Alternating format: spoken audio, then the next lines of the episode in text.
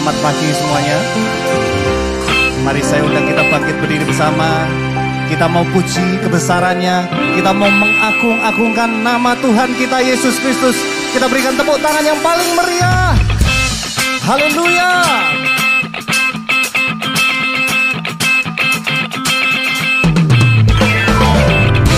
Dengan penuh sukacita, kami mau mengagungkan Tuhan kami Yesus Kristus. Haleluya.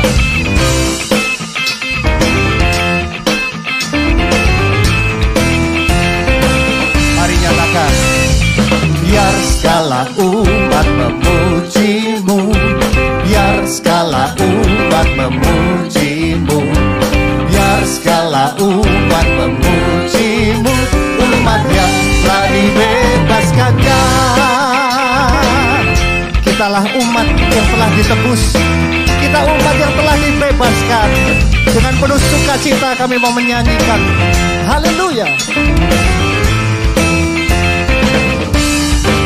Katakan Biar segala umat memujimu Biar segala umat memujimu Biar segala umat memujimu Umat yang telah dibebaskannya Oh Tuhan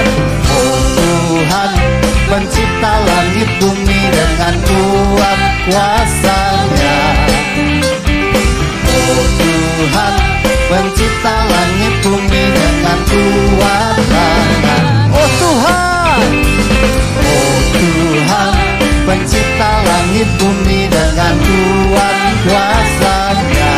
Kami percaya Tuhan. Pencipta langit bumi dengan kuat tangannya Haleluya. Dengan segenap hati kami Dengan segenap ekspresi Kami mau puji Tuhan kami yang hidup. Haleluya. Kita nyanyikan Biar segala umat memujimu segala umat memujimu.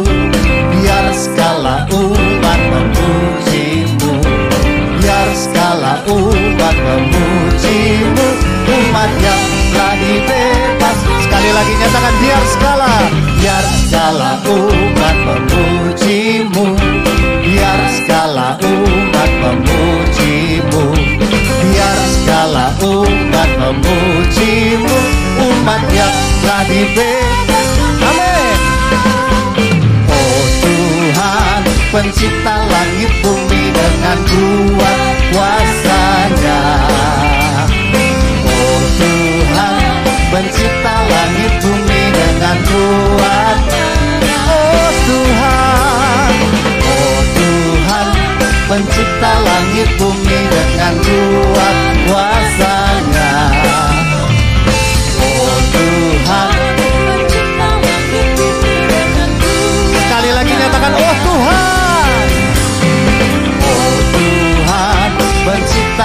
langit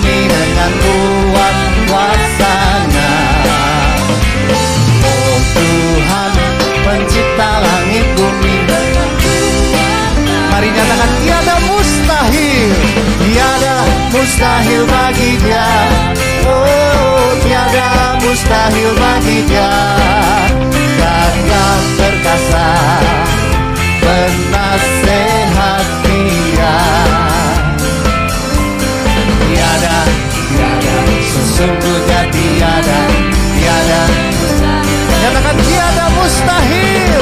Tiada mustahil bagi dia Oh tiada mustahil bagi dia Gagah perkasa Penasehat dia. Nyatakan dengan iman kita Tiada, tiada Sesungguhnya tiada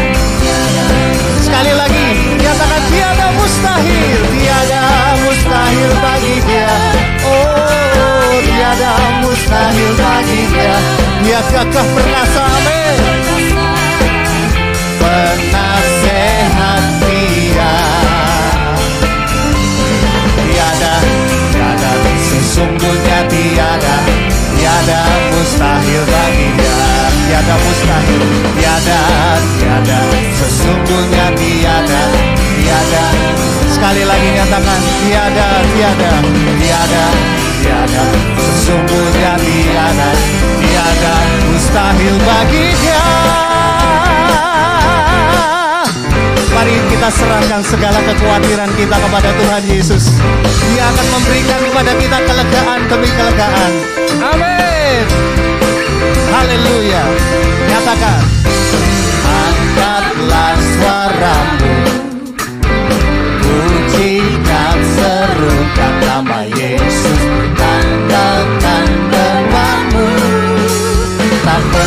Waduh, Satria sanggup Gerakkan kakimu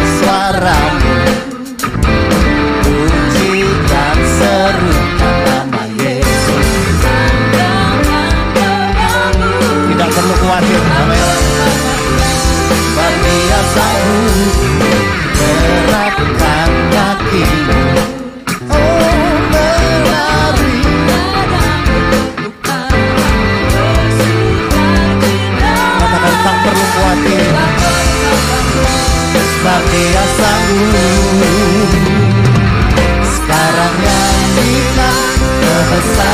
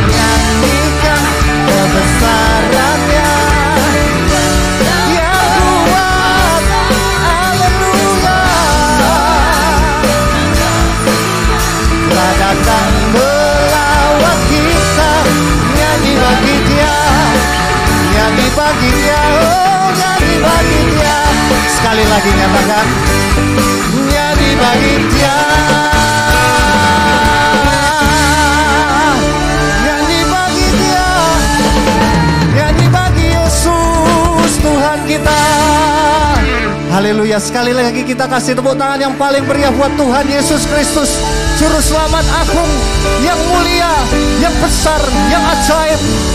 Haleluya, haleluya. Silahkan duduk Bapak Ibu Saudaraku.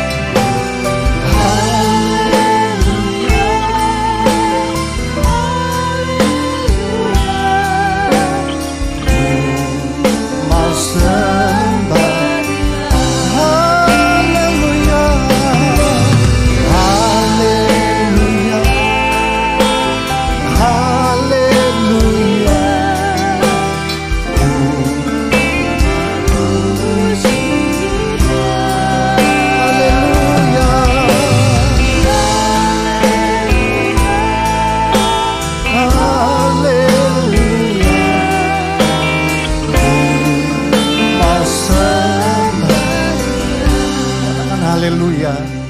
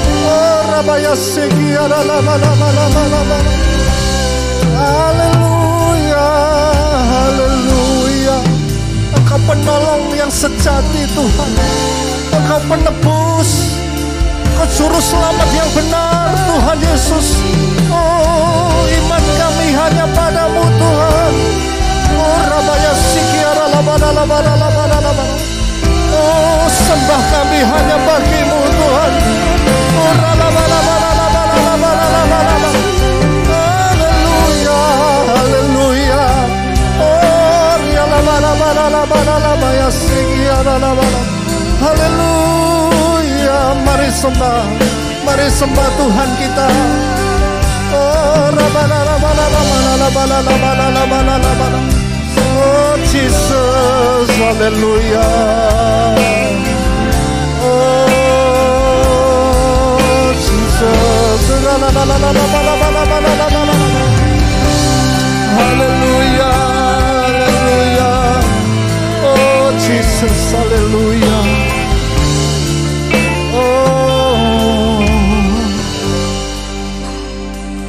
Sebab itu marilah kita dengan penuh keberanian menghampiri tahta kasih karunia. Supaya kita mendapat pertolongan pada waktunya sebelum kesusahan besar terjadi, kita menantikan janji Tuhan yang sejati. Tuhan akan mengangkat kita semua ke tempat Dia berada, kita pun berada. Amin, Bapak Ibu. Oh, Rabaya Sikiara. Itulah pengharapan kami Tuhan. Itulah kekristenan yang sejati Tuhan di mana kami berharap kami berada di tempat Engkau berada. Engkau menyediakan tempat buat kami Tuhan. Engkau menghindarkan kami Tuhan dari kesusahan besar Tuhan. Oh. Oh Jesus, haleluya. Oh, Engkau akan menjemput kami orang-orang yang saleh Tuhan orang-orang yang tetap berpegang teguh pada iman kami, hidup dalam kekudusan, hidup dalam kesalehan kami, di dalam roh kudusmu Tuhan. Sehingga engkau mengingat kami ketika engkau menjemput kami Tuhan. Orang-orang yang memperkarakan hidup saleh, hidup kudus di dalam engkau Tuhan. Oh rabalabalabalalabalalabalala. Tuhan engkau mengingat aku Waktu alam semesta menderu Amin Tuhan Engkau datang sebagai Raja menjemput orang saleh semua. Amin. Harimu yang mulia ku harap segera tiba. Nyatakan Tuhan haleluya Tuhan Mari kita yang mau hidup kudus, hidup saleh senantiasa menjaga kesucian perbuatan kita di hadapan Allah. Mari kita bangkit berdiri. Ini komitmen kami Tuhan. Ini komitmen kami Tuhan di hadapanmu senantiasa sebagai Raja menjemput orang saleh semua harimu oh harimu yang mulia yang mulia. Masihkah kita mengharapkan kedatangannya? Mari kita angkat kedua tangan kita katakan Tuhan engkau ingat kami umatmu di GPI PPL ini Tuhan. Ingat kami memperkarakan kekudusan tidak melakukan kecemaran. Ingat kami umatmu Tuhan. Menjemput orang saleh. Semua. Sungguh harimu. Harimu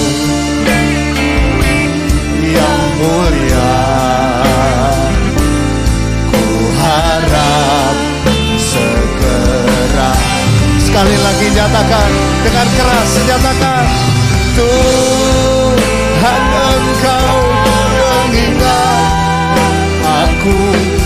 Waktu alam semesta menderu. Engkau datang sebagai raja menjemput orang saleh semua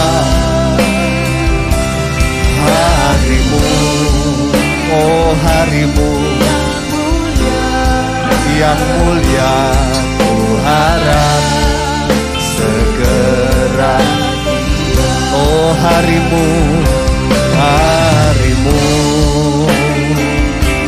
yang mulia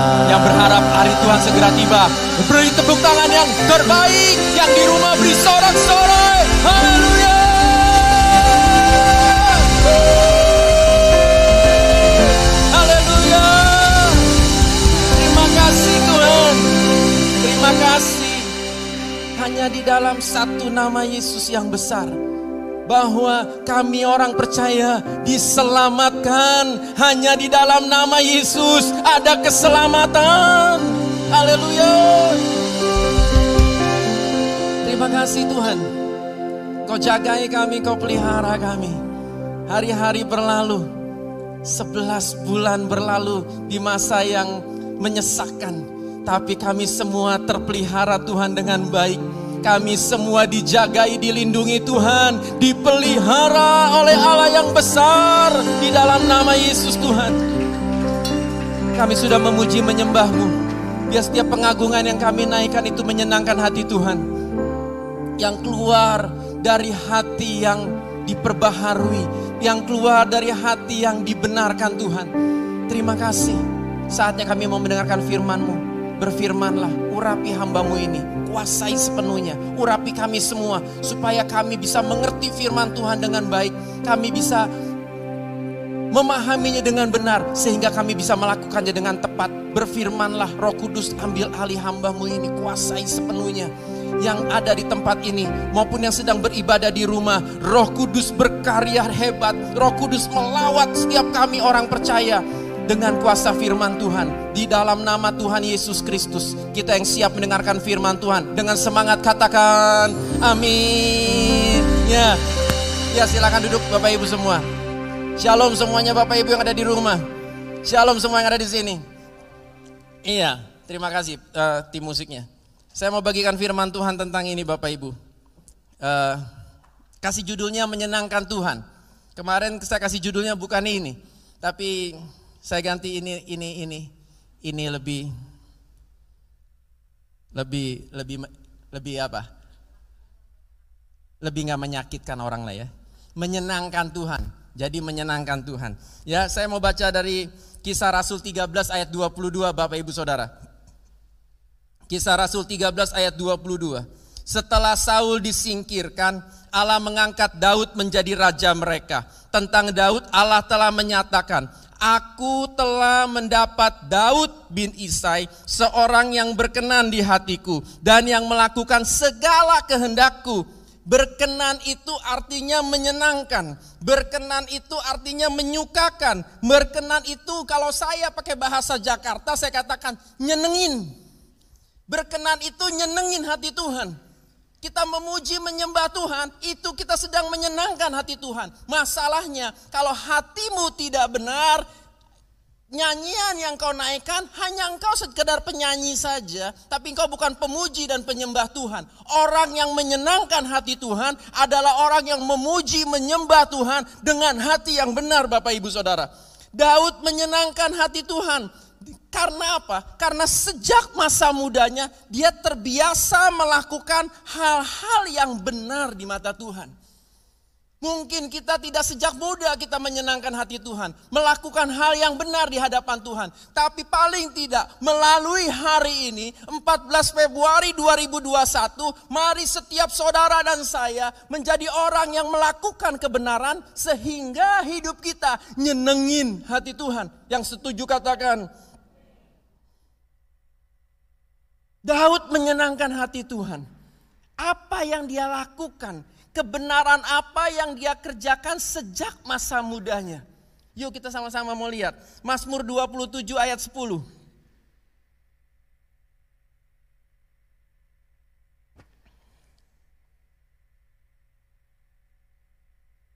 Sekalipun ayahku dan ibuku meninggalkan aku, namun Tuhan menyambut aku bahasa Indonesia sehari-hari bilang begini Bapak Ibu.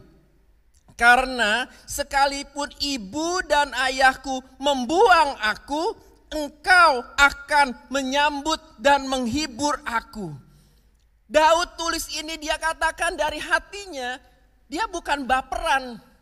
Dia bukan bawa perasaannya sendiri bahwa sekalipun papa mama meninggalkan aku, Tuhan engkau menyambut aku. Tidak, dia bukan bukan Bukan kebawa oleh perasaannya, tetapi ini dia katakan, dia punya dasar. Dia punya dasar yang dia yang dia pernah alami dalam hidupnya Bapak Ibu Saudara. Daud menulis ayat ini sungguh dia punya pengalaman bagaimana dia dilupakan oleh orang tuanya. 1 Samuel 16 kalau kita baca Bapak Ibu nanti baca di rumah ya 1 Samuel 16 ayat satunya Samuel disuruh oleh Tuhan untuk mengurapi seorang raja menggantikan Saul. Calon rajanya salah satu dari anak-anak Isai, seorang bapak yang namanya Isai punya delapan anak. Samuel tidak tahu anaknya Isai delapan. Sekali waktu ketemu sama mereka, Samuel mau mengadakan sebuah acara, Isai dan anak-anaknya diundang Bapak Ibu Saudara diundang hadir di dalam pertemuan itu. Ketika Samuel sudah tahu dari Tuhan bahwa calon rajanya yang harus diurapi salah satu dari anak Isai. Lalu ketika Samuel ketemu dengan anak Isai yang pertama namanya Eliab. Tinggi besar perawakannya. Langsung Daud bilang berpikir begini. Ini nih yang di, Tuhan pilih diurapi. Kenapa? Karena dia lihat contoh sebelumnya. Saul, Saul tinggi besar dan perawakannya besar dan ganteng. Waktu dia, waktu Samuel melihat Eliab, wah ini yang diurapi Tuhan. Langsung Tuhan bilang, bukan Manusia lihat luarnya, aku melihat hati. Oh, berarti anak ke satu? Bukan. Lalu anak kedua lewat? Bukan. Anak ketiga lewat? Bukan. Anak keempat lewat? Bukan. Kelima, keenam, ketujuh lewat. Tuhan gak ngomong apa-apa. Udah tujuh, udah habis. Kok belum Tuhan belum suruh? Makanya Samuel bertanya kepada Isai. Ini anakmu sudah semuanya. Isai bilang, masih tinggal satu. Lagi di padang menggembalakan kambing domba. Samuel bilang, panggil sekarang juga. Kita tidak duduk makan sebelum anak ini datang. Lalu dipanggil. Yang datang adalah yang datang anak yang subungsu, Daud. Ketika Samuel ketemu Daud, Tuhan langsung berfirman. Wow, kalau hidup kita benar, Tuhan langsung berfirman. Eh, Tuhan berfirman kepada Samuel, bangkitlah, urapilah dia, sebab dialah ini yang dipilih Tuhan. Uh, Samuel langsung bangkit, urapi Daud. Pertanyaannya, kenapa Daud nggak diajak sama papa mamanya ke undangan itu? Ini bukan undangan 17 Agustus. Ini undangan untuk anak kita dipilih salah satunya menjadi calon raja. Di sini kalau punya anak, mau diangkat anaknya salah satu menjadi gubernur. Bapak ibu ajak semua atau ditinggalin yang satu? Woi.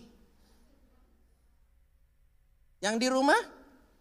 Oke, diajak semua ya Bapak Ibu ya. Setuju ya? Diajak semua. Daud ditinggalkan di padang jaga domba dan kambingnya.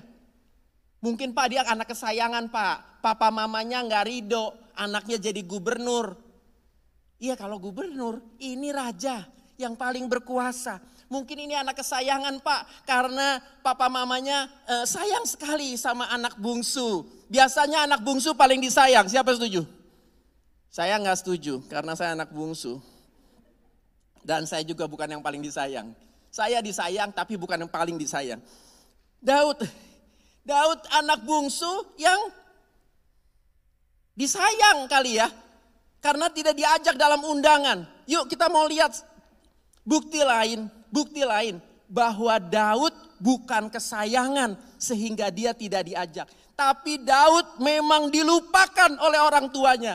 Tidak diperhitungkan, tidak dipedulikan. Makanya Daud tidak diundang, tidak diajak di dalam pemilihan calon raja. 1 Samuel 17.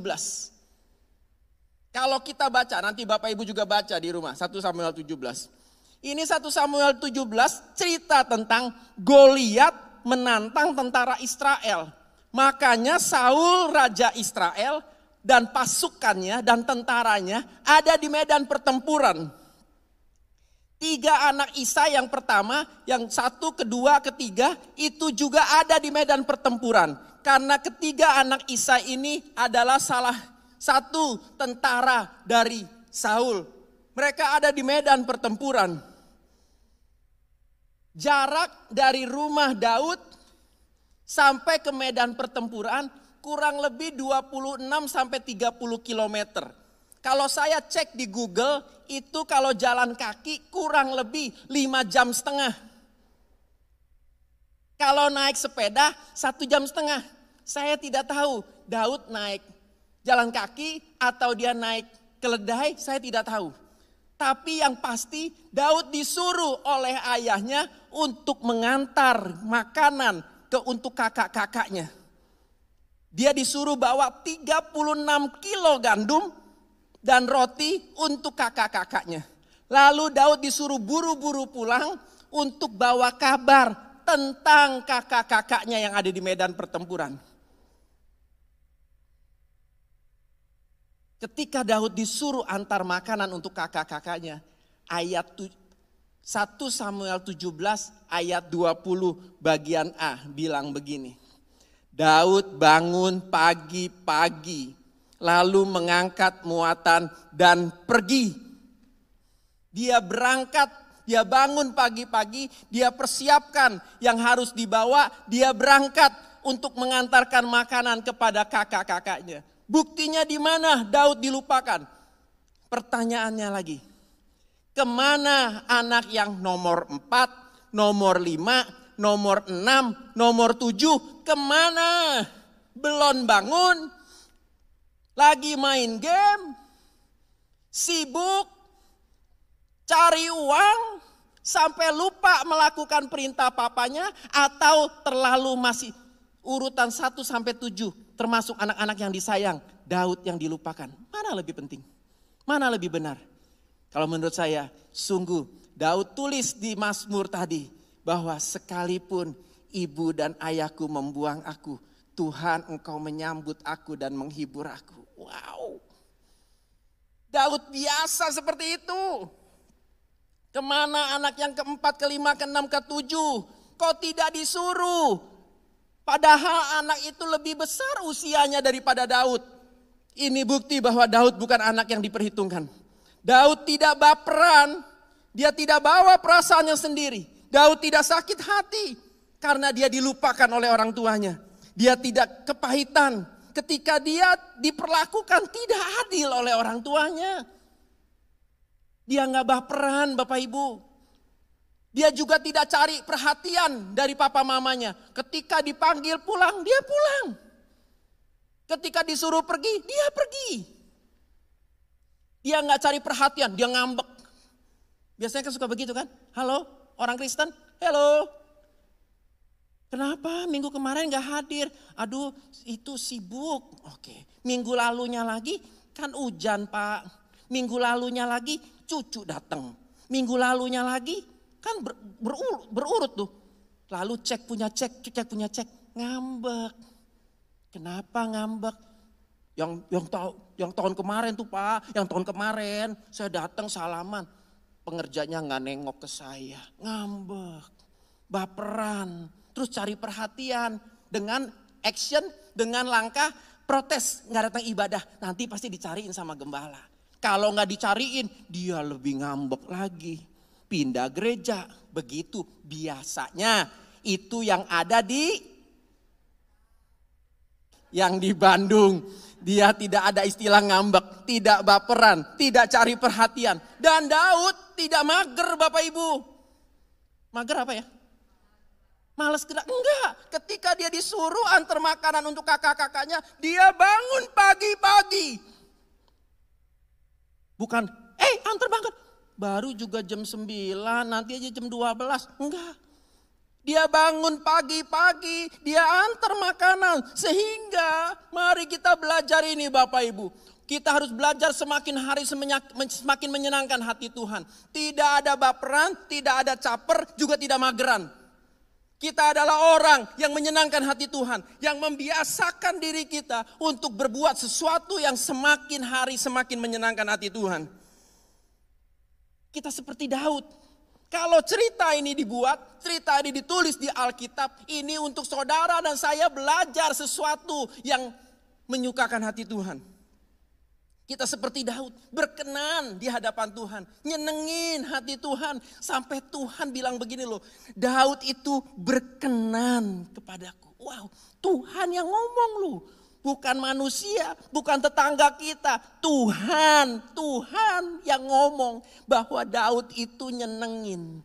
Jadi kalau saudara dan saya terbiasa melakukan hal yang benar sejak masa muda, sejak hari ini, maka engkau sedang membangun dirimu menjadi orang yang sungguh menyenangkan hati Tuhan.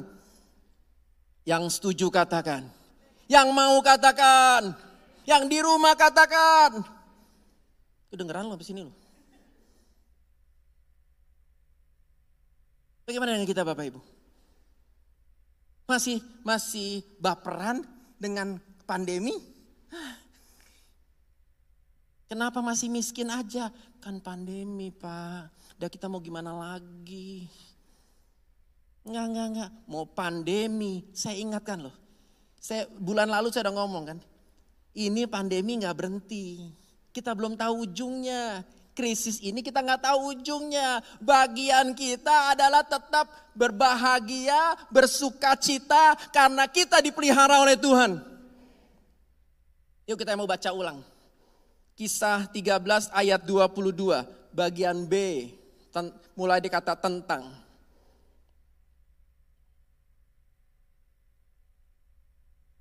Tentang Daud Allah telah menyatakan, aku telah mendapat Daud bin Isai, seorang yang berkenan di hatiku, kata Tuhan. Dan yang melakukan segala kehendakku.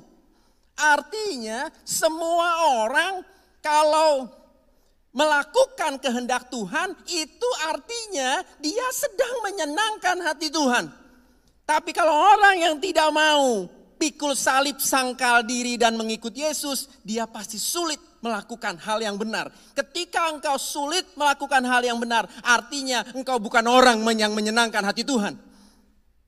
Sedangkan kita dipanggil Tuhan untuk menyenangkan Tuhan. Jadi setiap kita yang melakukan kehendak Tuhan itu menyenangkan hati Tuhan. Catat dengan baik Bapak Ibu. Sekalipun kita dipi, tidak dipilih. Kalau kita mau menyenangkan hati Tuhan, mulai membangun manusia kita bukan untuk cari perhatian, bukan membawa perasaan atau males gerak. Tapi jika kita terjebak di dalam baper, caper, dan mager, saya mau katakan stop, lakukan itu. Bangkit.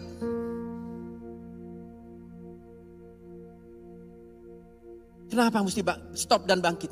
Karena Tuhan kita tidak tidak perlu bawa perasaan karena Tuhan tahu perasaan kita.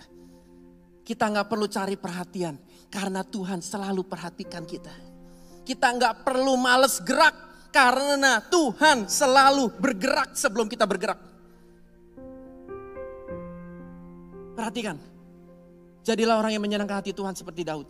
Sekalipun kita tidak dipilih dalam sebuah sebuah undangan besar, dalam sebuah acara besar, kita tidak dipilih, kita tidak diundang, kita tidak dipuji orang, kita tidak diingat siapa pun, kita tidak dipedulikan, malah sering kali kita difitnah. Begitu kan? Halo. Kita tidak dianggap, oleh banyak orang. Karena kita orang kecil mungkin, nggak apa-apa. Kita tidak diperhitungkan, dilupakan orang. Bahkan kita dibuang oleh orang tua kita. Saudara mau bikin alasan apa lagi? Ketika kita tidak diperhitungkan oleh papa mama, itu satu hal yang paling menyakitkan menurut saya. Bagaimana dengan kita? Ketika papa mama lupa kirim makanan buat kita ketika papa mama lupa mengerjakan apa yang kita minta. Kok ngamuk? Ketika papa mama tidak bisa membelikan handphonemu yang terbaru. Kok ngamuk? Ngambek? Nggak keluar-keluar dari kamar? Tidak pernah nongol di gereja? Halo? Hari ini firman Tuhan buat saya, wow. Bagaimana kita harus semakin menyenangkan hati Tuhan dengan melakukan kehendak Tuhan. Bukan hanya dengan naikkan pujian. Iya, ya, kita naikkan pujian bagus. Tapi kalau engkau naikkan pujian, engkau jago menyembah, bahasa rohmu lengkap, tapi hatimu bengkok. Gak ada guna ya. Menurut saya tidak ada guna. Karena Tuhan melihat hati. Kita harus tetap melakukan bagian kita dengan sebaik-baiknya. Sekalipun semua orang tidak pernah memperhitungkan kita. Padahal yang kita lakukan itu sesuatu yang tidak tidak dilihat orang. Justru kita melakukan sesuatu sehingga orang lain bisa membangun di atas apa yang kita lakukan. Tapi orang tidak melihat apa yang kita lakukan. Orang lihat apa yang dibangun oleh banyak orang. Enggak apa-apa, enggak apa-apa. Mari selalu membiasakan diri kita untuk melakukan kehendak Tuhan. Karena itu menyenangkan hati Tuhan. Amin Bapak Ibu. Mari kita, ayo dah. Jangan jadi orang Kristen yang biasa-biasa Bapak Ibu. Yang di tempat ini maupun yang di rumah. Jangan jadi Kristen biasa-biasa. Kita sudah sering dengar kalimat ini. Jangan jadi Kristen biasa-biasa. Tapi jadi Kristen yang menyenangkan hati Tuhan. Hidup dalam pertobatan. Melakukan hal yang benar. Karena itu menyenangkan hati Tuhan. Yuk kita naikkan pujian ini. Sekali waktu. Kemarin sore saya ditanya. Bapak mau request lagu. Saya bilang tidak, tidak.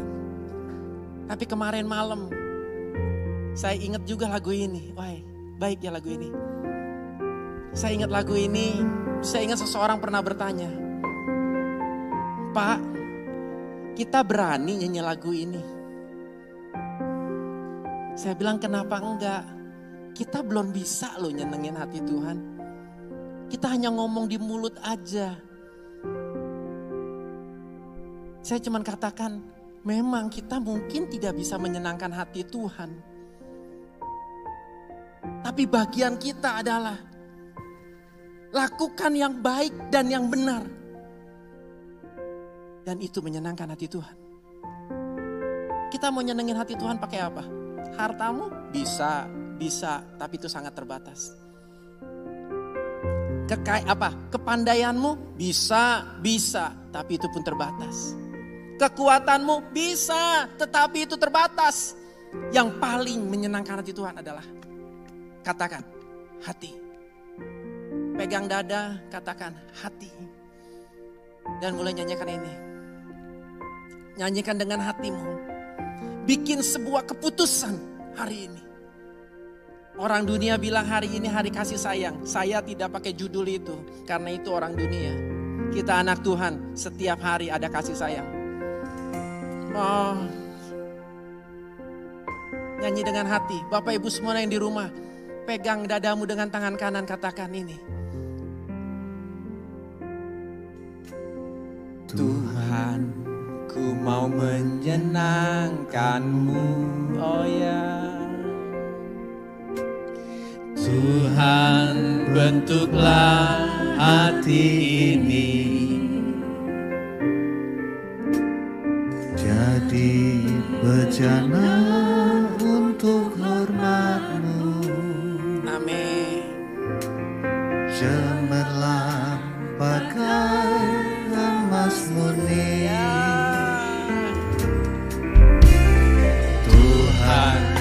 serahkan hatiku. Berapa banyak? Semua ku berikan padamu. Oh. Kuduskan hingga tulus selalu. Supaya apa? Agar aku menyenangkanmu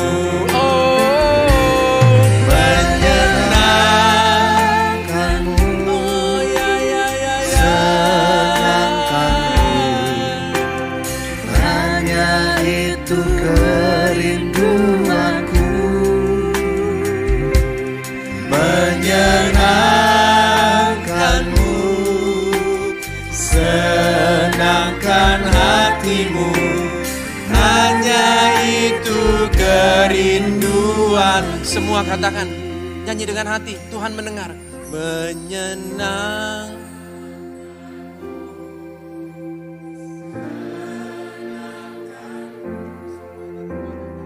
Semua yang di rumah katakan.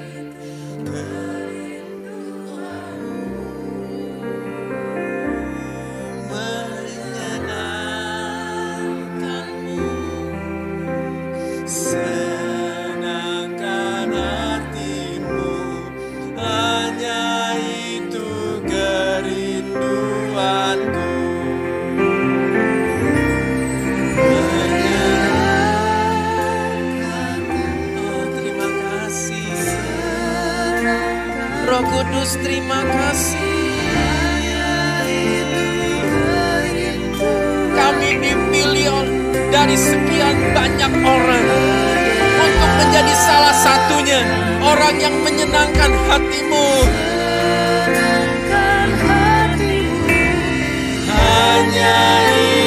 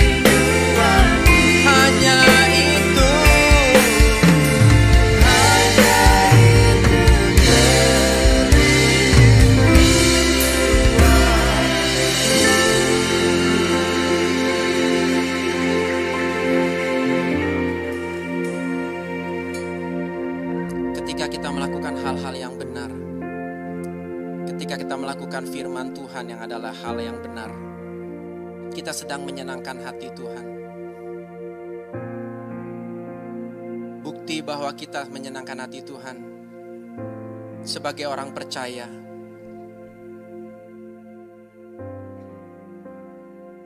Kita pun adalah orang-orang yang sedang berharap kepada Allah.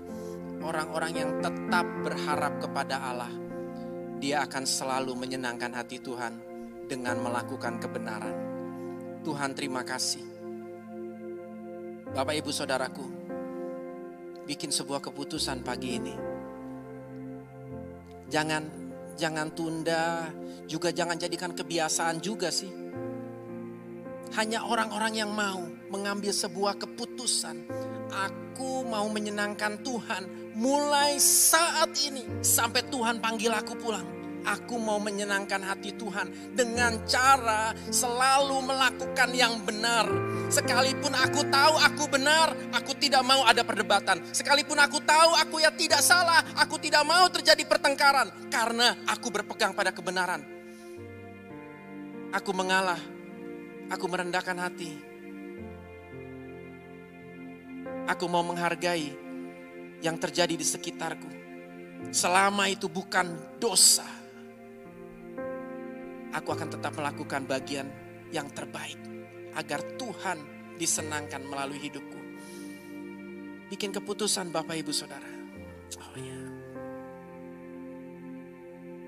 Terima kasih ya Tuhan untuk firman Tuhan pada hari ini. Kebenaranmu kami boleh tangkap bahwa kami harus melakukan kebenaran.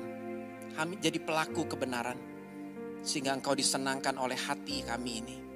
Terima kasih Tuhan. Terima kasih bahwa kami untuk tidak perhatikan ego kami.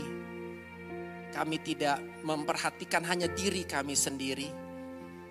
Tapi kami yang perlu kami perhatikan adalah kebenaran kami kerjakan di hidup kami.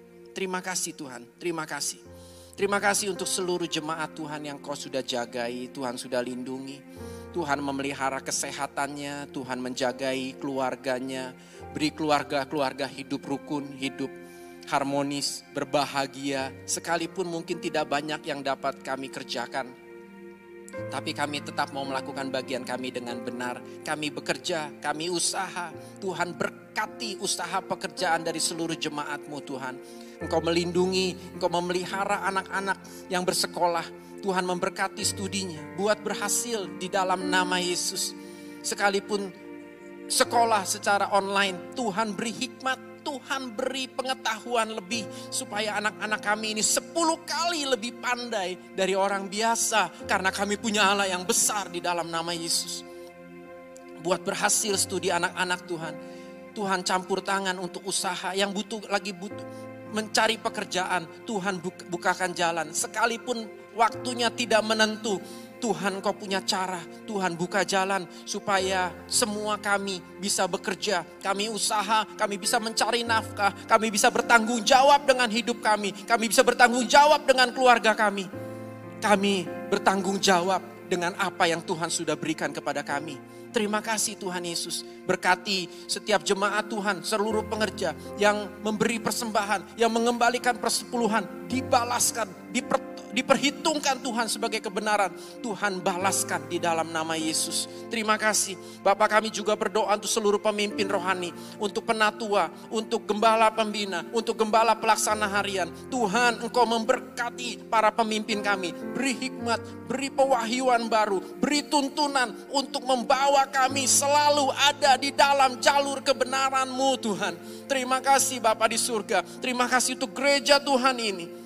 Engkau tolong, engkau selalu pelihara, engkau selalu jagai, engkau selalu bela kami. Terima kasih Tuhan, terima kasih. Kami berdoa untuk tim medis yang bekerja terus bergerak, bekerja di garis depan untuk menjaga kesehatan kota dan bangsa. Tuhan melindungi para dokter, Tuhan melindungi semua suster. Tuhan jagai tim medis ini di dalam nama Yesus. Tutup bungkus dengan kuasa darahmu. Terlebih lagi anak-anakmu Tuhan.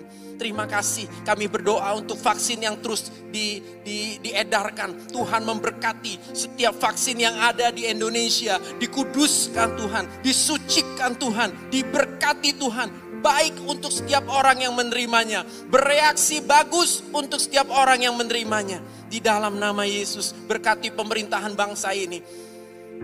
Bapak Presiden yang memegang pemerintah, yang memegang jabatan tertinggi di negeri ini. Tuhan beri hikmat, beri marifat, jagai Tuhan, beri kesehatan yang baik, lindungi seluruh keluarganya, juga wakil presiden, Tuhan jagai kesehatannya, lindungi seluruh keluarganya, seluruh menteri, seluruh eh, aparat yang bekerja, Tuhan melindungi, Tuhan menjagai. Setiap orang-orang yang mengasihi bangsa ini, Tuhan melindungi, Tuhan menjagai, tutup bungkus dengan kuasamu Tuhan, pagari dengan kekuatan Tuhan, TNI, Polri dianugerahi Tuhan, dilindungi kesehatannya, dijagai keluarganya, untuk semuanya dipakai Tuhan untuk menjadi alat menjaga keamanan di negeri ini. Terima kasih untuk setiap pembelaan Tuhan di bangsa ini. Engkau menghalau semua gerakan-gerakan jahat. Engkau menghalau semua rencana-rencana jahat di dalam nama Yesus Tuhan. Tuhan buat pertobatan besar terjadi di negeri ini di dalam nama Yesus. Hasil bumi hasil laut diberkati Tuhan berlimpah-limpah sehingga Indonesia sangat dilimpahi Tuhan di dalam nama Yesus. Kami gereja Tuhan membela bangsa ini dengan hidup benar, berdiri untuk bangsa ini dengan untuk hidup benar di dalam nama Yesus. Sehingga Indonesia diberkati Tuhan karena gereja, karena tubuh Kristus hidup dalam kebenaranmu, diberkati tanah negeri ini di dalam nama Yesus. Indonesia sehat, Indonesia diberkati Tuhan, Indonesia jadi berkat untuk bangsa-bangsa, Indonesia diselamatkan dari timur sampai ke barat, utara sampai ke selatan di dalam nama Yesus Tuhan.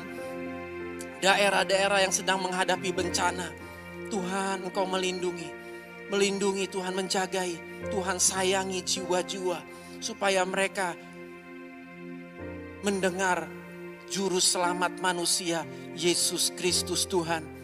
Tuhan tolong supaya kesusahan berlalu atas orang-orang yang sedang di daerah bencana.